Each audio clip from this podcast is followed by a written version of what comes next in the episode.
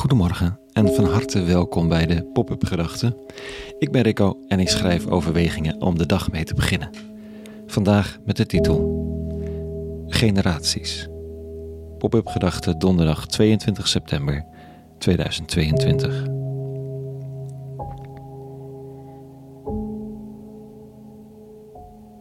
Boeren leggen uit hoe hun land al generaties familiebezit is. Zou jij dan degene zijn die het moet verkopen? Sommige vluchtelingen vertellen dat ze niet voor zichzelf hier een leven komen opbouwen. Dat zien ze nauwelijks meer gebeuren. Het moet een plek worden voor hun kinderen. Wat een tijd, denk ik dan. Dat je generaties vooruit kunt denken en je met generaties ver voor je verbonden voelt. Het staat zo haaks op het leven in het nu, dat we links en rechts van coaches en goeroes op het hart gedrukt krijgen. En het staat zo haaks op de almaar sneller draaiende machinerie van eten, drinken en kleren. Kleding moet niet lang meegaan, want er moet weer iets nieuws gekocht worden voor het volgend jaar. Dat het als hetzelfde seizoen aanbreekt. Fast fashion. Net als laptops, telefoons en auto's, ze moeten er liefst in vrij hoog tempo doorgedraaid worden, want dan blijft het geld rollen. Om mijn geweten te sussen koop ik dus maar een refurbished telefoon, een opknappertje, maar ja, dan wel eentje met een hele goede camera. heb ik nou eenmaal nodig, vertel ik mezelf. Tegelijk voelen we allemaal een kentering deze dagen. Ik heb de troonrede niet helemaal meegekregen, maar wel wat analyse her en der. Dat deze langer was dan ooit en de zorgen niet geschuwd werden. En we hebben een begroting waaruit duidelijk wordt dat we op de kleintjes moeten gaan letten. We lezen tips over werken zonder verwarming en ze worden breed gedeeld. Ons gedrag heeft impact. We kunnen niet meer leven bij de dag, want, morgen zou de zon wel weer schijnen. We beseffen een heel klein beetje dat de tijden die komen niet automatisch rooskleurig zullen zijn. Toch ben ik zo beïnvloed door leven bij de dag. Het kost me moeite om serieus na te denken in wat voor wereld mijn kinderen zullen leven. En ik moet echt gaan graven om te beseffen in wat voor wereld mijn ouders zijn opgegroeid. De Tweede Wereldoorlog, dat is wel een aanwezig stuk geschiedenis. Maar verder.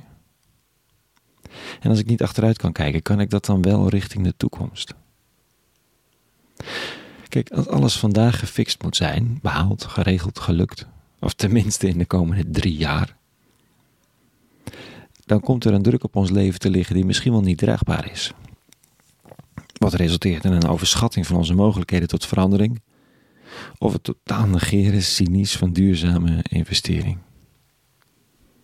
Kan ik hier een steen verleggen in de rivier, in het vertrouwen dat ik daarmee heb bijgedragen aan de veranderde loop in de toekomst en dat dit dan genoeg is. Ik lees vanochtend een fragment uit een psalm, nummer 90. Dit staat er. U, God, doet de sterveling terugkeren tot stof en zegt keer terug, mensenkind. Duizend jaar zijn in uw ogen als de dag van gisteren die voorbij is, niet meer dan een waken in de nacht. In de grote kathedraal van Uppsala, Zweden, waar ik gisteren naar binnen liep, staat een indrukwekkend videokunstwerk van de wereldberoemde Bill Viola.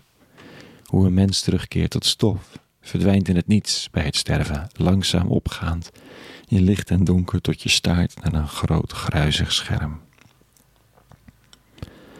En dan ligt de psalmist er een andere tijdsbeleving naast, een metafysische, waarin duizend jaar als een dag voorbij gaat. Hoeveel mensen worden er geboren op die goddelijke dag en leggen er ook het loodje in een goddelijke 24 uur? Vanaf 1 januari dit jaar zijn er 100 miljoen mensen geboren en 42 miljoen mensen gestorven.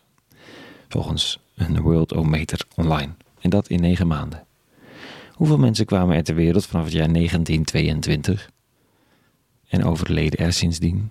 En hoe ligt de wereld er in 2122 bij? Die goddelijke tijdsrekening houdt volgens de psalmist echt wel wat oog voor het moment, maar leeft ook in duizend mijls. Wat nu belangrijk is, dat is het over een poosje niet meer. En over duizend jaar is het sowieso vergeten. Wat heeft nu een waarde die het over duizend jaar nog heeft? Als de zonsondergang in de goddelijke tijdsrekening inzet en de eeuwige zijn dagboek schrijft. Welke hoogst belangrijke zaken van nu verdwijnen in dat perspectief? van het prioriteitenlijstje en welke komen er met stip bovenaan. Zal ik wel een mooie mentale oefening voor vandaag. Of mentaal. Misschien is het nog meer een oefening voor de ziel.